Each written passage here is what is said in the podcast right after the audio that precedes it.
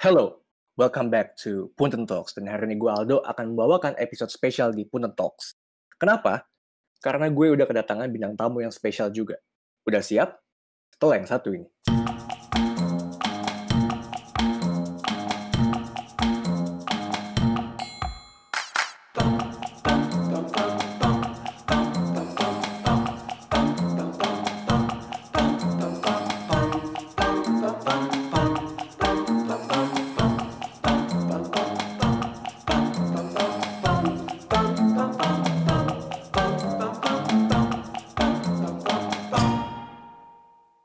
Kalau misalkan ada orang kasih satu kata, basket, mungkin orang pertama di kepala gue itu adalah Jason Lee Santoso.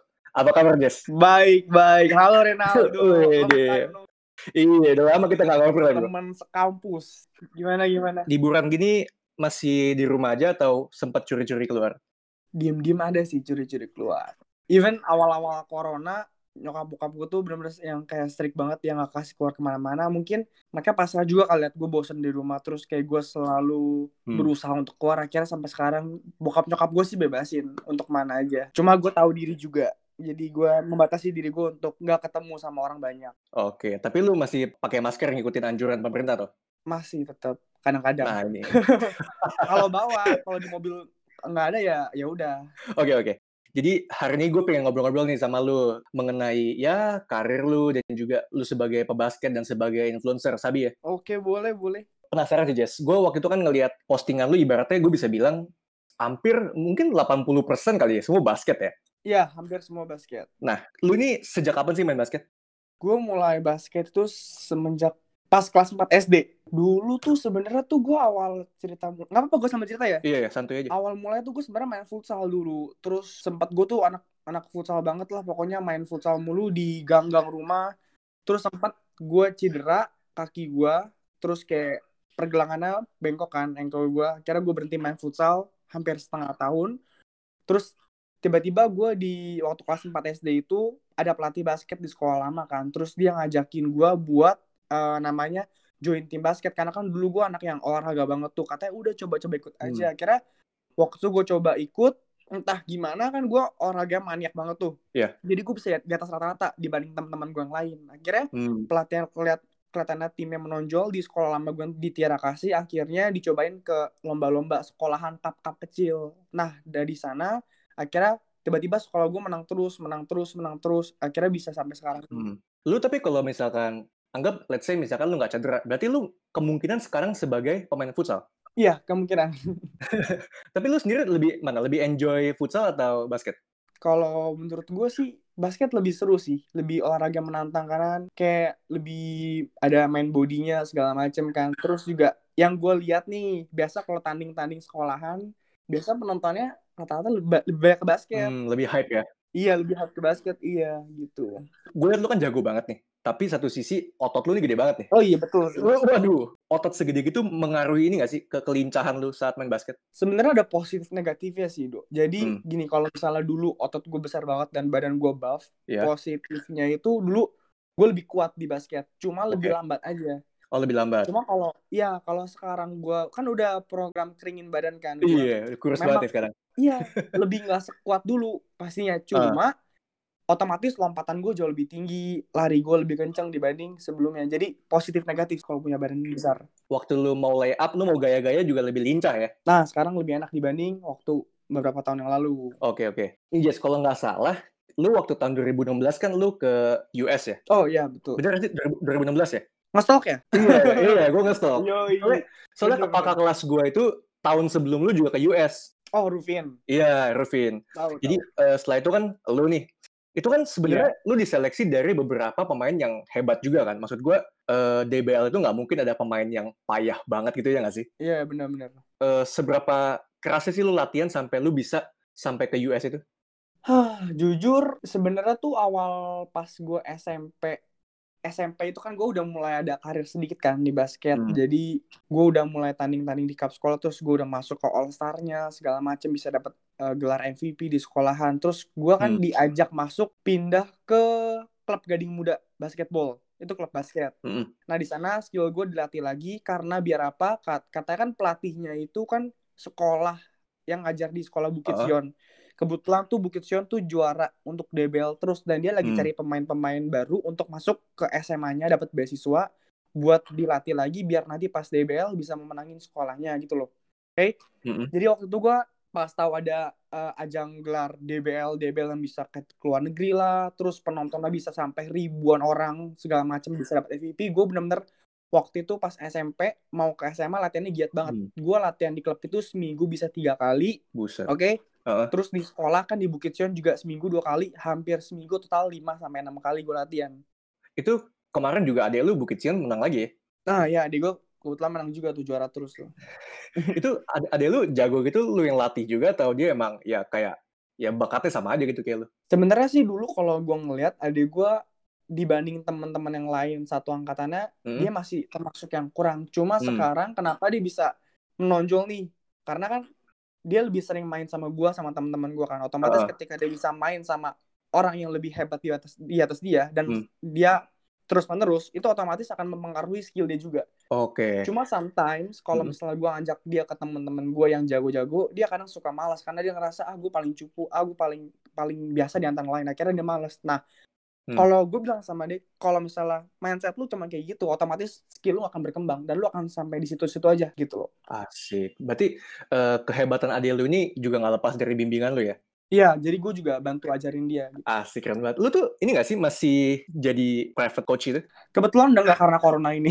kalau misalnya corona selesai, gue memang juga rencana pengen bikin private session lagi, tapi gue cuma takut tuh ganggu kuliah doang sih sebenarnya. Oh ya soalnya terlalu sibuk ya. Iya betul. Oke oke. Berarti gue bisa bilang mungkin awal lu terkenal ini dari dunia basket ya? Iya, dunia basket. Oke, dan karena lu bikin konten-konten ini mulai dapat endorsan dan lu sekarang gue lihat eh, mulai jadi influencer ya. Iya, kebetulan. Nah, nah lu, lu nih lebih lebih suka dipanggil influencer, selebgram atau public figure? Apa sama aja? Eh, selebgram sih. Lebih suka selebgram ya? Oke oke. Soalnya gue nggak ngerasa diri gue bisa menginfluence orang sih lebih tepat kan di Instagram gue nggak ada yang kayak motivasi motivasi yang kayak gimana banget kan. Cuma lebih ke konten kreator di mana ketika orang mampir ke Instagram gue hanya untuk melihat hiburan gitu. Oh, tapi lu ini sih, Jess. Gue liat lu bisa nge-influence anak-anak sekarang nih yang suka basket buat bikin konten kayak lu sih. Dan menurut gue itu positif sih. Ya berapa doang sih paling. Cuma bukan seperti yang kayak influencer lain yang kayak healthy lifestyle yang bisa mempengaruhi pola hidup makan orang dan segala macam itu bukan gue banget. Oh, emang lu hitungannya bukan healthy lifestyle. Gue ngeliat lu nge-gym rajin banget, men. Nge-gym rajin tapi kalau misalnya lu sering pantengin Instagram gue itu pasti isinya makanan-makanan Iya sih. yang junk food Indomie Iya sih, gitu. lu, lu McD berapa kali ya? Wah dulu tahu dong kalau ngkos gimana. Oke, oke. Lu kalau disuruh pilih, enakan jadi influencer kayak sekarang atau atlet kayak dulu aja?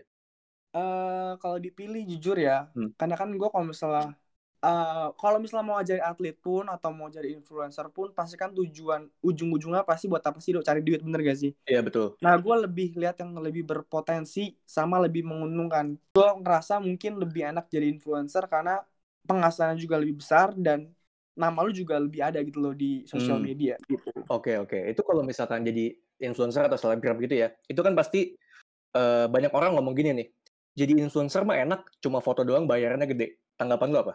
Gue nggak setuju sih sama orang yang ngomong kayak gitu karena menurut gue mereka nggak ngerasain proses gue dari nol ngebangun Instagram gue Hmm. bener-bener dari cuman berapa ribu doang sampai bisa sekarang ini tuh butuh proses effort yang bener-bener Heeh. mungkin mereka nggak akan bisa ngelakuin kayak gue gitu loh. Iya, gue gue inget banget sih Jess waktu pertama kali gue kenal lu ya. Kita kan kenal 2017 ya, awal kuliah. Ya masuk kelas lu. Itu gue inget banget follower lu masih sekitar 5000 ribu sih. Ya masuk pas lu masih goceng. Iya kan? Iya, iya masih, masih goceng men. Sekarang gue lihat lu udah 20 ribuan. Itu menurut gue sih, wah gila men. Itu empat kali lipat sih. Iya lumayan lah. Tapi gue mau nanya dong, lu setuju nggak kalau gue bilang influencer nih kebanyakan cewek kan?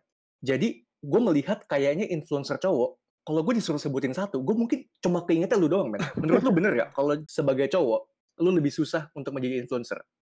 Jujur ya jujur kalau menurut sudut pandang gue yang gue lihat selama gue menjalani hidup influencer ini cowok memang lebih susah untuk naik namanya dibanding cewek. Cowok juga ada beberapa cuma nggak sebanyak cewek karena gue Ah. lihat cewek itu lebih mudah naik ya gue juga nggak tahu ya cewek tuh sorry tuh saya bukan nyindir apa tapi cewek mudah banget kalau misalnya cuman kayak upload video seksi atau video joget segala macam itu naiknya pasti wah cepetnya bukan main Ya. kalau cowok kan nggak mungkin dong joget video seksi kan ya pasti kan malu bener gak cowok Iya, harus iya. bikin something sesuatu yang berbeda dari yang lain supaya nama bisa naik nah itu dia Hmm. that's why kenapa gue bikin konten trick shot yang belum pernah ada di Indonesia sebelumnya Iya, iya. Oke, berarti lu uh, trick shot ini gue bisa bilang mungkin lu terinspirasi dari Dude Perfect juga ya? ya betul dari luar negeri Soalnya dulu kan gue lihat lu awal-awal bikin trick shot just uh, yang di akun YouTube lu itu, itu kan awalnya bukan sepenuhnya basket kan, lu ada yang lemparin tas, topi segala macam kan. Iya, betul. Eh, lu juga suka bikin konten one on one sampai kayak waktu itu kalau nggak salah kan kerja sama sama KFC ya, yang lu suruh lawan followers followers yang berani. Iya, iya benar itu collab sama KFC juga. Itu lu lu law- lu menang semua tuh gimana? Jadi eh, waktu itu kan gue disuruh upload di Instagram Hmm. pengumuman kalau misalnya gue itu bakal ngadain eh, isi acara one on one di KFC yang eh, Tugu Tani. Mm-mm. Nah, habis itu yang komen dari segitu banyak, nanti gue Hmm. bakal pilih tiga orang secara random yang datang ke lapangan. Hmm. Oke. Kayak gitu. Jadi sistemnya gue pilih untuk bermain follow dengan followers gue bukan dengan penonton yang udah ada sebelumnya. Oh oke, tapi lu menang semua. Kebetulan menang semua. Tiga. tiga Udah, pa- udah pasti lah ya. Ya, hokinya sih menang sih. Gue jarang banget sih lihat Jason Lee kalah kecuali di video lu sama Denny Sumargo. Oke, ya ya. Nah, gue gue gue penasaran itu gimana sih akhirnya lu bisa duel sama dia? Lu emang kenal atau gimana? Sebenarnya gimana ya? Gue awalnya juga nggak gitu tahu udah banget tentang Denny Sumargo kan cuma pernah denger-denger lah Denny Sumargo. Hmm. Terus tiba-tiba entah gimana gue ngeliat ada foto dia di Explore, gue lihat, wih gila nih pemain basket juga nih artis gitu kan. Mm-mm. Akhirnya gue coba lah iseng lah, gue Hmm. like fotonya, terus gue coba DM dong. Ya. gue coba DM, eh dibales karena gue DM-nya ngajak collab one on one karena kebetulan YouTube dia kan juga one on one semua karena gue diajak eh terus gue dia bilang oke dong terus eh, dia bilang oke boleh mau kapan gini in corona nih terus tiba-tiba dia mau tapi maunya collabnya sama gue tentang trick shot Oh. sama teman-teman gue yang dede gue Wivan sama Stephen Mm-mm. pas kita udah buat di hari Sabtu di Raffles College oke Mm-mm. tiba-tiba cuman yang berhasil cuman gue sama dia Oke. yang lain pada belum berhasil kan Mm-mm. akhirnya ditunda sampai minggu depan eh tiba-tiba corona dateng lah Hmm. Akhirnya batal semua cuma karena kelamaan corona akhirnya Denny Sumargo bilang ya udah kita one on one aja basket di rumah gua yang aman-aman aja nggak di luar Ya. Oke. akhirnya mainnya di rumah gua bikin konten one on one iya Mm-mm. Itu kesan pertama lu saat akhirnya lu bisa bikin konten. Maksud gue, kok Denny Sumargo ini kan bukan artis kalangan bawah ya. Maksud gue dia cukup terkenal ya. iya Kesan pertama lu saat ketemu dia dan akhirnya bikin konten sama dia itu gimana? kaget sih masih nggak nyangka kayak shock aja sih kayak ada ya artis humble dia yang bener-bener mau Hmm. collab sama mungkin yang kalau di pandangan dia tuh gue masih belum ada apa-apanya gitu loh. Cuman berapa? Cuma dua puluh ribu dia udah 800 ribuan kan followersnya. Hmm. Mm-mm. Cuma dia benar-benar pure mau bantu naikin nama gue lewat YouTube dia, lewat Instagram dia. Itu yang gue lihat artis bener-bener humble kayak gitu. Karena kebanyakan luar sana artis tuh banyak yang sombong-sombong dan segala macem. Oke oke. Lu kan sekarang sebagai selebgram gitu dan juga tentunya pekerjaan lu kebanyakan mungkin eh, di-share secara online gitu ya. Iya ya betul. Nah, sejak Covid gini kan lu tahu nih banyak pekerjaan yang orang-orang tuh di PHK, kehilangan pekerjaan. Dan lu sebagai selebgram nih seberapa pengaruh sih keadaan Covid ini ke pekerjaan lu? Hmm, lumayan sih, tapi nggak pengaruh-pengaruh banget. I mean, kan even ada COVID ini pun cuma kan nggak mungkin sampai semua usaha bener-bener pure tutup sampai nol kan, bener gak? Iya. Pasti Mm. ada beberapa usaha yang mungkin masih berani untuk eh, memberanikan diri supaya tetap merilis produk-produknya kan. Mm-mm. Gue memang dapat tetap endorsean dari eh, brand-brand tertentu, cuma yang mempengaruhi dari gue itu rate card gue jadi turun karena Mm. ketika gue kasih rate card gue segini dari manajemen gue segini Mm. mereka bilang nggak punya budget sebesar itu karena masalah covid ini jadi mereka minta turunin budget yang seharusnya dibayar ke gue gitu Tapi lu iyain atau enggak? Gue yain karena gue juga pure ingin membantu Oke. brand-brand yang lain gitu Asik nih buat pendengar yang pengen endorse barang-barangnya bisa hubungi Jason Lee Santoso ya. siap siap Ini menarik nih. Gue ngelihat lo mulai bisnis baju ya. Namanya Duo Insen nih. Dan nama ini tuh nggak asing karena ini nama YouTube lo kan yang tadi gue udah Iya, mention sebelumnya. Kenapa akhirnya lo memutuskan untuk bikin baju? Hmm, kemarin tuh gue sempet nggak sempet mikir untuk bikin baju sama sekali Mm-mm. gue cuma disuruh bokap gue lanjutin usaha dia kayak cici gue sekarang tapi kan kondisinya cici gue udah lulus kan Iya. jadi dia benar bisa fokus pure kerjain Mm-mm. bantu usaha bokap cuma kalau gue mikir sekarang sambil kuliah sambil kerjaan bokap itu nggak mungkin kepegang pasti Oke. gue harus pilih salah satu dan gue nggak mungkin berhenti kuliah di saat udah semester 6 kayak gini dong Mm-mm. akhirnya gue mikir kerjaan sampingan apa nih selain selebgram yang menghasilkan uang kira-kira apa lagi ya gue ngeliat Hmm. influencer lain selebgram lain yang udah terkenal banget mereka membuat suatu brand tentang diri mereka yang mereka jualkan di pasaran dan yang beli rata-rata paling sebagian persen temennya sebagian besarnya lagi followers dan fansnya mereka Mm-mm. dan ketika gue membuat konten-konten yang menarik di Instagram gue lihat marketnya ternyata banyak banget gitu loh jadi yang komen dari yang like dari yang nonton segala macam respon dari mereka tuh banyak yang positif nah kenapa nggak gue coba Mm-mm. bikin brand gue sendiri ten- tentang temanya basket Mm-mm. karena kan memang followers gue marketnya di anak basket kan siapa tahu dengan gitu ternyata bisa laku banyak gitu Kemarin kan gue beli nih baju lu ya. oh iya ya gimana nih dok Uh, baju lu enak banget sih, men. serius nih bahan adem kan ya Adem, adem. Gue jujur, gue merasa ya fittingnya tuh bagus loh.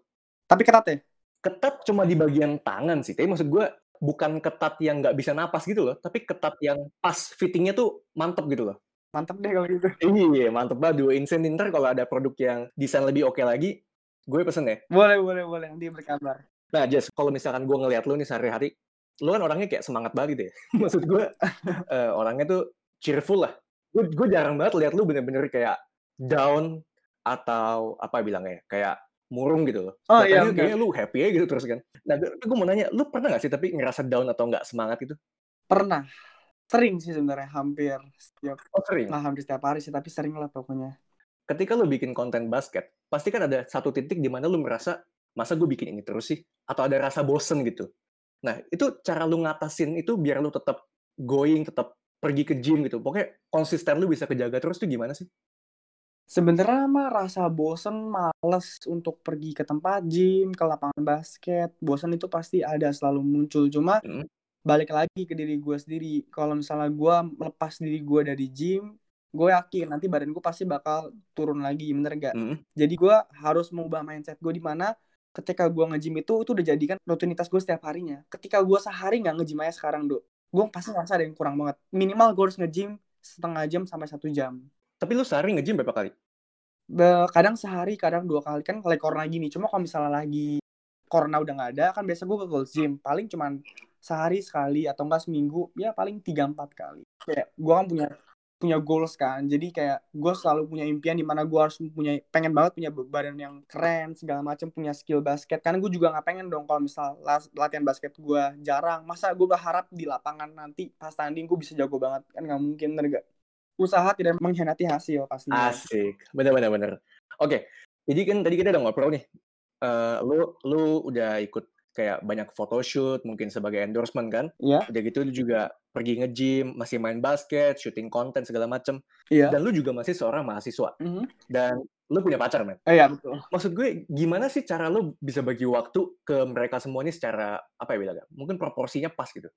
sebenarnya susah sih do Har- banyak yang gue harus prioritasin seperti sekarang kan pasti ada tentunya keluarga Iya. pacar Mm-mm. gue harus basket gue harus ke tem apa ke teman mungkin sometimes Mm. atau enggak ke kuliahan belum lagi ke kerjaan ngurusin baju belum ngurusin lagi bikin konten dan segala macem.